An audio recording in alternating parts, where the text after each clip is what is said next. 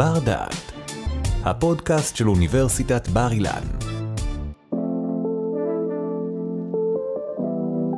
שלום, ברוכים וברוכות הבאות לבר דעת. קבוצות בפייסבוק. כולנו, או לפחות רובנו, נמצאים בהן, ומאוד סביר שלפחות פעם אחת יצא לכם להתקל באחד ממנהלי הקבוצות. כאשר הם ניסו להעלות רעיונות חדשים בין חברי הקבוצה, או עזרו לקשר בין אנשים, או דווקא בכובעם כשריפים של הקהילה. אבל מי הם אותם מנהלי קהילות ברשת? מה מניע אותם לעשות זאת? ולמה לא כולנו מנהלי קהילות? מי שתעזור לנו להבין טוב יותר מי הם מנהלי קהילות ברשת היא דוקטור טלי גזית מהמחלקה למדעי המידע. דוקטור גזית היא מומחית ברשתות חברתיות ובמנהיגות וירטואלית. היי טלי. היי. טלי, איך אנשים נהיים מנהלי קהילות ברשת? אז אולי אני אתחיל בלספר על עצמי. ממש מזמן כבר, בשנת 2011, הייתי רווקה, שמאוד מאוד אוהבת לטייל. רוב החברים שלי כבר היו נשואים ועם ילדים, ולא ממש שיתפו איתי פעולה בלצאת לטיולים מאתגרים בשבתות מוקדם בבוקר. הרגשתי קצת בודדה באותן השבתות, והחלטתי לעשות מעשה. אז פתחתי קבוצה בפייסבוק, והתחלתי להזמין אנשים שהזמינו בתורם עוד אנשים, וממש מהר נהפכנו לקהילה קטנה של רווקים ורווקות שאוהבים לטייל, ונפגשים מדי שבת לטיולים ברחבי הארץ. בראייה לאחור כנראה הייתי מהראשונים שהבינו את הפוטנציאל החברתי של המרחב הווירטואלי בדמות קבוצות פייסבוק. היום אני חושבת שרובנו כבר מכירים קבוצות בפייסבוק כמו מה מצחיק, אבא פגום, אמהות מבשלות ביחד, ראו תקני לי, פשפשוק, טיסות סודיות למי שרוצה ככה טיסות אין בזאת. אין סוף, אין סוף, באמת. מלא מלא קבוצות, מה שתיארתי אלה הקבוצות היותר גדולות, אבל לפי צוקרברג יש כיום בערך 200 מיליון קהילות משמעותיות בפייסבוק, ובערך מיליארד וחצי אנשים שחברים בקהילות האלה ברחבי העולם. בישראל אנחנו מאוד מאוד חזקים בקהילות האלה, כשבעולם המדיה החברתית קבוצות וירטואליות בעיניי הן ממש תופעה, שמחזירה אותנו לאותה שבטיות של פעם, שקצת הלכה לנו לאיבוד בעולם המודרני. וכמו בכל שבט, גם בקבוצות הווירטואליות יש צורך במנהיג שיכוון, שיכיל, שיתמוך, שיארגן עבורנו את המידע ויעשה סדר. גם אני הייתי, לתקופה הקצרה ההיא, שסיפרתי עליה מעין אה, מנהיגה, בעל כורחי.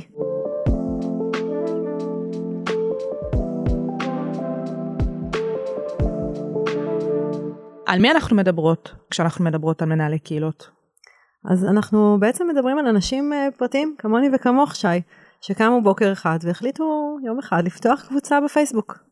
אפשר לעשות את זה ממש בקלות, בכמה קליקים בפייסבוק, ולא צריך שום הכשרה מיוחדת או השכלה רלוונטית. אני רק אציין שיש היום בערך 70% קהילות חברתיות, 20% מהן עסקיות, ובערך 10% של קהילות תמיכה רפואיות ונפשיות.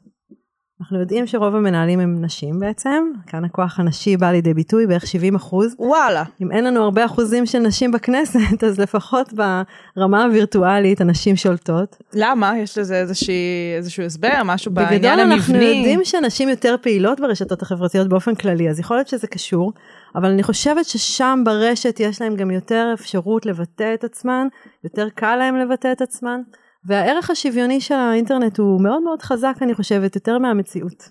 אנחנו יודעים שהם אה, רובן ככה בשנות ה-30 המאוחרות של חייהן, שכולם אה, משקיעים ומשקיעות, זה לא יאמן כמה שעות ביום בניהול קהילה, בדרך כלל בלי שום תמורה כספית ובהתנדבות מלאה. ניהול 100 מ-100. ממש. אז אה, מחקר שערכתי עליהם, אנחנו יודעים שבהשוואה לגולשי רשת רגילים, כמוני וכמוך, הם פעילים יותר ברשתות החברתיות וגם פעילים יותר חברתית באופליין. זאת אומרת זה לא סותר, הרבה פעמים אנחנו חושבים שאם אנשים נמצאים ברשתות, זה בהכרח אומר שיש איזשהו חסם מהבחינה נכון. האמיתית, אני אומרת במרכאות. וואו, זה ממש אמונה שצריך להפריך אותה, זה ממש לא נכון. אנשים שיותר פעילים באופליין, בחיים מחוץ לרשת, הם גם יהיו יותר פעילים ברשת, אנחנו רואים את זה בהמון המון מובנים. מבחינת uh, המנהלים, אנחנו רואים שהם שונים גם משאר uh, הגולשים מבחינה אישיותית. אנחנו יודעים שהם יותר מוחצנים ויותר פתוחים לרעיונות חדשים. הם גם יותר נעימים חברתית, ואפילו, באופן שהפתיע אותנו במחקר, גם יותר יציבים נפשית.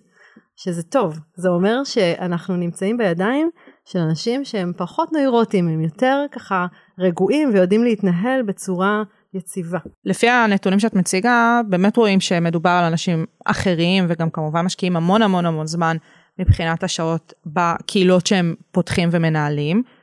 נשאלת השאלה למה אנשים בוחרים מלכתחילה להיות מנהלי קהילות. אז מהתשובות שהם נתנו לי גיליתי שלושה מניעים עיקריים. הראשון הוא צורכי מידע. מנהלים הרגישו באמת צורך להחליף ולשתף מידע שהיה חסר להם. אחרים ביקשו לעצמם שליטה על איזשהו תחום חדש וירטואלי. ויש מנהלים שביקשו ליצור מרחב וירטואלי שהוא נקי במרכאות מאינטרסים. למשל, מנהלת של קהילת הורים כתבה חיפשתי מקום לשיתוף ידע וייעוץ עם אנשים כמוני, ולא היה, אז הקמתי. המניע השני ליצירת קהילת פייסבוק היה חברתי. מנהלים תיארו צורך בקהילה ובחברה. תיארו מקומות של בדידות, ממש בדידות, שהביאו אותם לפתוח קהילה ותחושה שאין להם עם מי לחלוק ולשתף בסביבה הקרובה מיידית. זה קצת מזכיר את הסיפור שלי. כן, זה ממש אה, ראיתי פה את כן, הקווים. מנהלת אה, קהילת הורים סיפרה לי, אה, שנה אחרונה בתואר עם ילד בן שנה וקצת, אספתי המון ידע ורציתי להעביר הלאה, וגם למצוא מקום להתלונן בו, על דברים שרק אמהות סטודנטיות מבינות. המניע השלישי שגיליתי היה אינטרסים אישיים, מנהלים שפשוט אוהבים את התחום, רוצים להתבסס כאוטוריטה בתחום, או שמרגישים שיש להם ניסיון אישי מספק כדי לפתוח קהילה בנושא. אז למשל, מנהלת ש- קהילה של מוזיקאים סיפרה, הייתי לפני הוצאת אלבום ורציתי לדעת איך עושים את זה. צירפתי אנשים שהוציאו אלבומים או סינגל במטרה שכולנו נשתף ידע. הקבוצה גדלה מהר מתוך צורך של החברים עצמם, באמת אני יכולה להעיד על הקבוצה שלה היום שהיא קבוצה מאוד גדולה, פעילה ומוצלחת.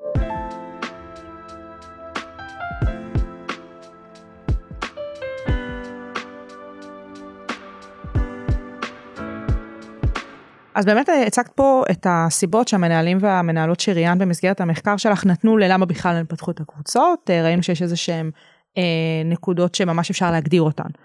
אז למה הם פותחים ויוצרים את הקהילות? הבנו. מה מניע אותם להמשיך ולנהל אותם? את הצגת ממש בהתחלה את כל הנתונים שמראים שמשקיעים כל כך הרבה זמן ומשאבים, למה להישאר? זאת ממש שאלה חשובה, כי באמת לפתוח קהילה, לפחות ברמה הטכנית זה ממש קל. אבל אחר כך להתחיל לנהל אותה ברמה היומיומית, זאת פשוט משימה לא פשוטה, ובאמת, כמו שאמרת, המון שעות של עבודה, למה? למה הם ממשיכים לעשות את זה? אז באמת שאלתי אותם, מה גורם להם להמשיך ולנהל? והמניעים העיקריים שלהם היו באמת, במקום הראשון, הזדהות עם מטרות הקהילה והיכולת שלהם להשפיע על החברים בקהילה. למשל, מנהלת קבוצת כתיבה סיפרה, הקבוצה שלי אוספת את כל האנשים השקטים, החוששים, אלה שביומיום לא מעזים לדבר. היא נותנת להם קול, ליצור, לכתוב, לפרסם, להיחשף, כל אחד בדרכו. אני עוזרת להם למצוא ולחבק את עצמם, לא להיות לבד. זה ממש מקסים לראות איך היא ככה מרגישה את ההשפעה שיש לה וכמה זה נותן לה באמת מוטיבציה להמשיך ולעשות את זה. מנהלת אחרת של קבוצת הורים סיפרה, אמהות הגיעו בבדידות תהומית, והיום יש להן קבוצת חברות לחיים ממש. אני רואה את זה מתהווה מול העיניים שלי, ולפעמים זה דמעות של התרגשות. קצת פחות מזה, אבל עדיין חזק היה המניע החברתי. מנהלים הזדהו למשל עם משפטים כמו, ניהול הקהילה מאפשר לי להרגיש חלק מהקהילה. והמניע הכי פחות חשוב עבור המנהלים היה להעביר את הזמן. שזה לגיטימי, זאת אומרת, זה לא סיבה שאי אפשר להגיד נכון, אז out זה באמת loud. מעניין, כי כששואלים משתמשי רשתות שלא מנהלים מדוע הם גולשים ברשת, הרבה פעמים התשובה תהיה כדי להעביר את הזמן. אבל אצל המנהלים זה בדיוק ההפך, הם לא רוצים להעביר את הזמן, הם לא עושים את זה כדי להעביר את הזמן, זה באמת היה במקום האחרון. הם לא כמונו ככה, בתור לאוטובוס, בתור הדרך. לרופא, על הדרך, מעבירים את הזמן. לא, כשהם נכנסים, הם נכנסים למען מטרות הרבה יותר ככה נאצלות מאשר המשתמש הפשוט. הם עושים את זה מתוך שליחות, הזדהות עם המטרות של הקהילה, באמת רצון אמיתי לעזור ולהשפיע.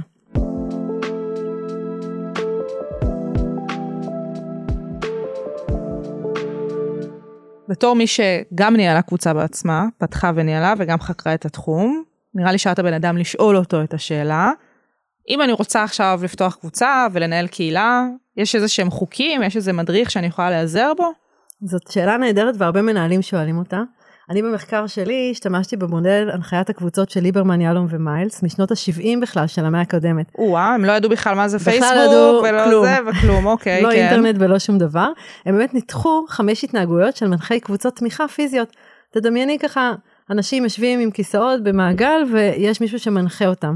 ואת ההתנהגויות שלהם הם בעצם חקרו, הפכו את זה למודל, ואנחנו ניסינו להבין אם אפשר להכיל את ההתנהגויות האלה על מנהלי קהילות פייסבוק.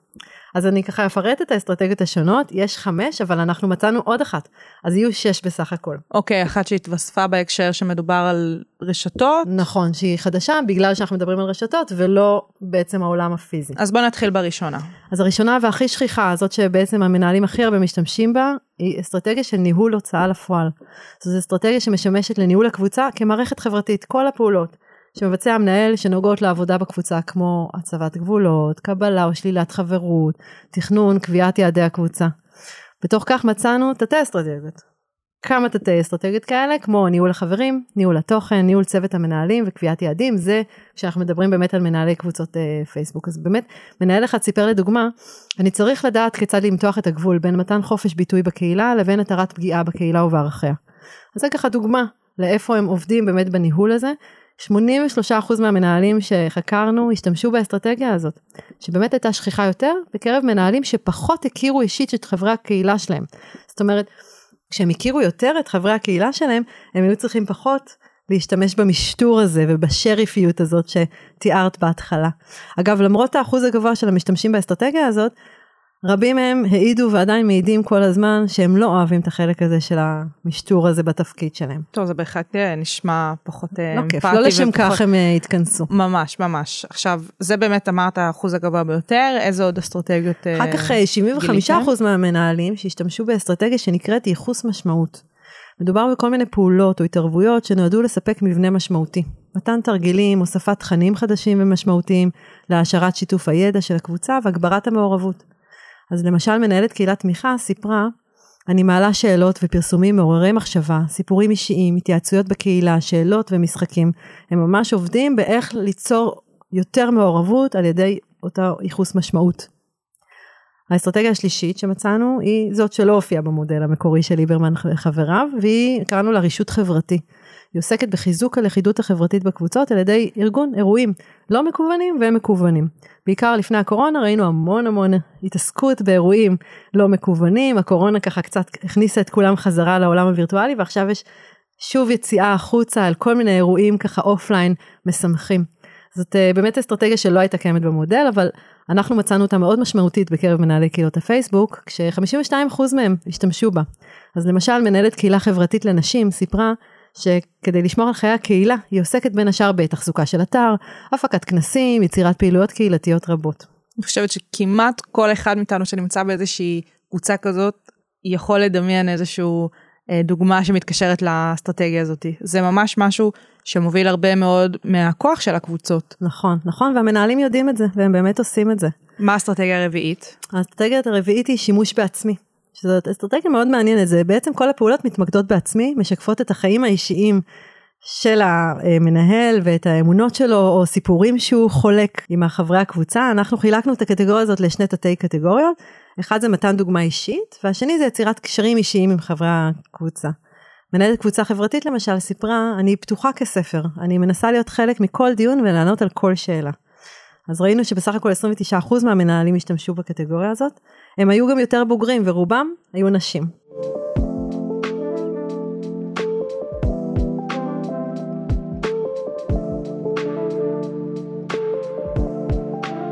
אז אנחנו רואות שלאט לאט ככל שאנחנו מתקדמות באסטרטגיות, פחות ופחות מנהלים משתמשים בהן. מעניין אותי אנחנו לראות מה יהיה סידרנו את זה בחמישי. לפי הסדר בסדר. יורד. אז באמת אה, פחות מנהלים, 20% מהמנהלים השתמשו באסטרטגיה של תמיכה דאגה, שזאת אסטרטגיה שמטרתה להגן על החברים, להציע להם תמיכה, חברות, חיבה. אה, מנהל קהילה תיאר למשל, אני מאפשר לחברים לשתף את הסיפורים האישיים שלהם הרלוונטיים לקהילה, ולפעמים, רק בשל היותך חבר בקהילה, אם אתה זקוק לחיבוק או עזרה, גם אם אין לזה שום קשר לקהילה.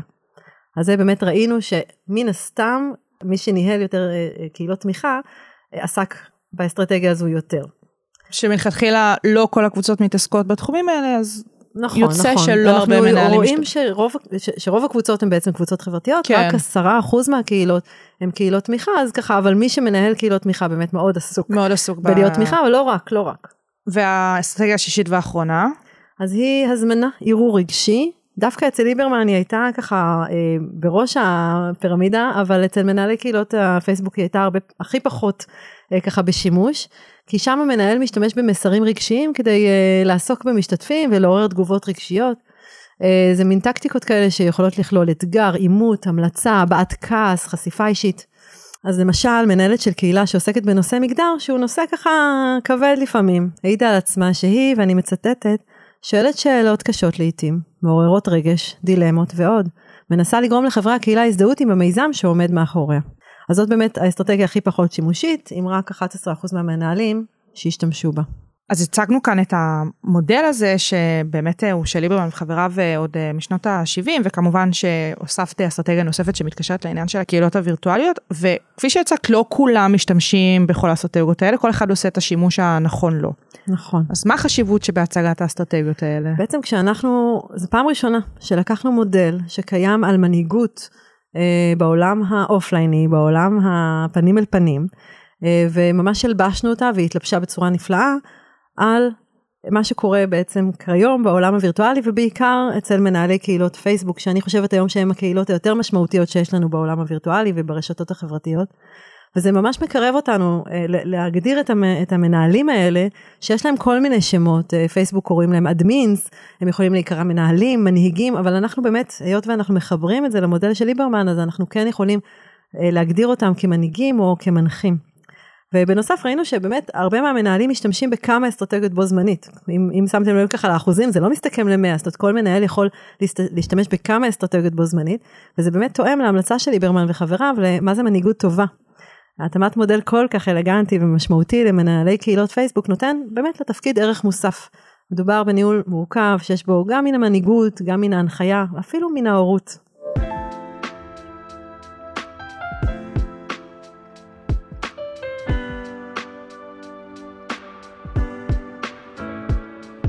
נשאלת השאלה, יש גם מנהיג רע, או שיש רק מנהיגים שרע להם?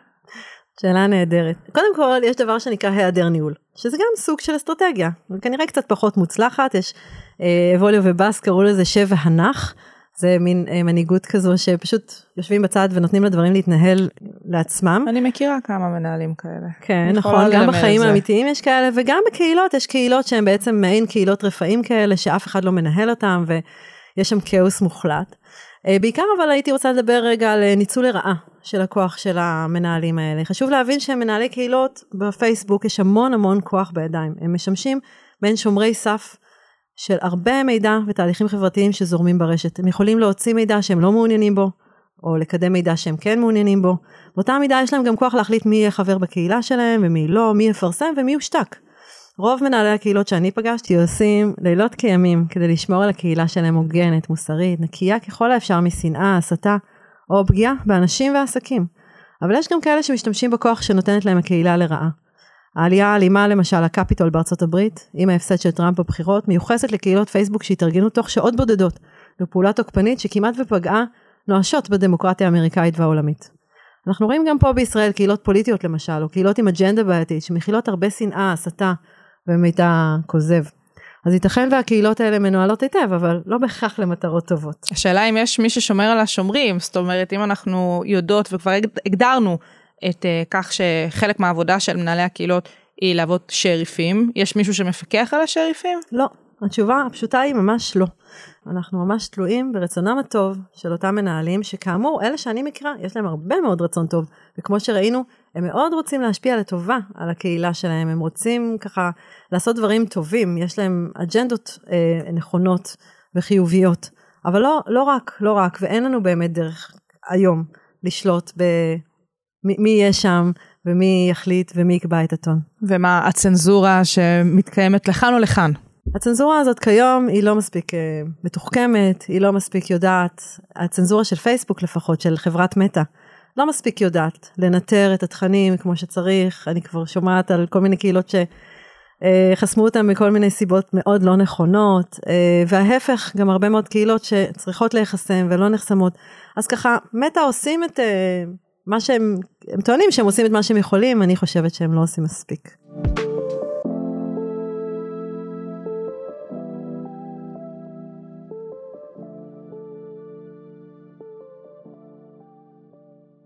טלי, אנחנו מגיעות לסיומה של השיחה שלנו, ואני ממש רוצה להבין מה לדעתך המסר שאנחנו צריכים לקחת מהשיחה שלנו ביחס לנושא הזה של מנהלי הקהילות ברשתות, כי הסברנו מי הם ומה המוטיבציה שלהם, ואוקיי, למה הם התחילו, אבל גם למה הם נשארו. וכמובן שסקרנו את אה, אסטרטגיות הניהול, וגם הסברנו, יכולים להיות מנהלים רעים. מה אנחנו צריכים ללכת הביתה? אז אני רוצה לשלוח ככה את המאזינים עם איזה ציטוט שאני מאוד אוהבת.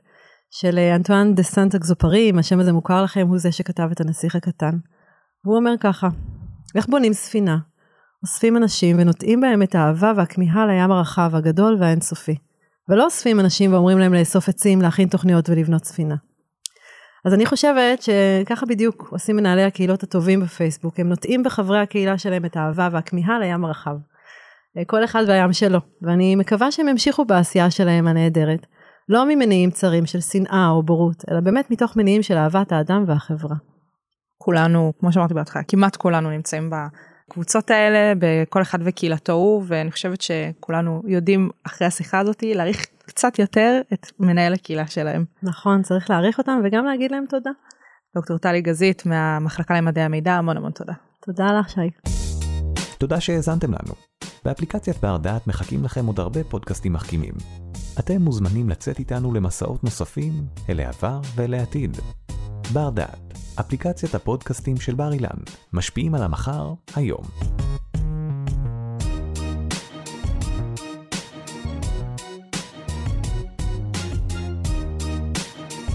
ערכה והפיקה שי קלוט. תודה על ההאזנה.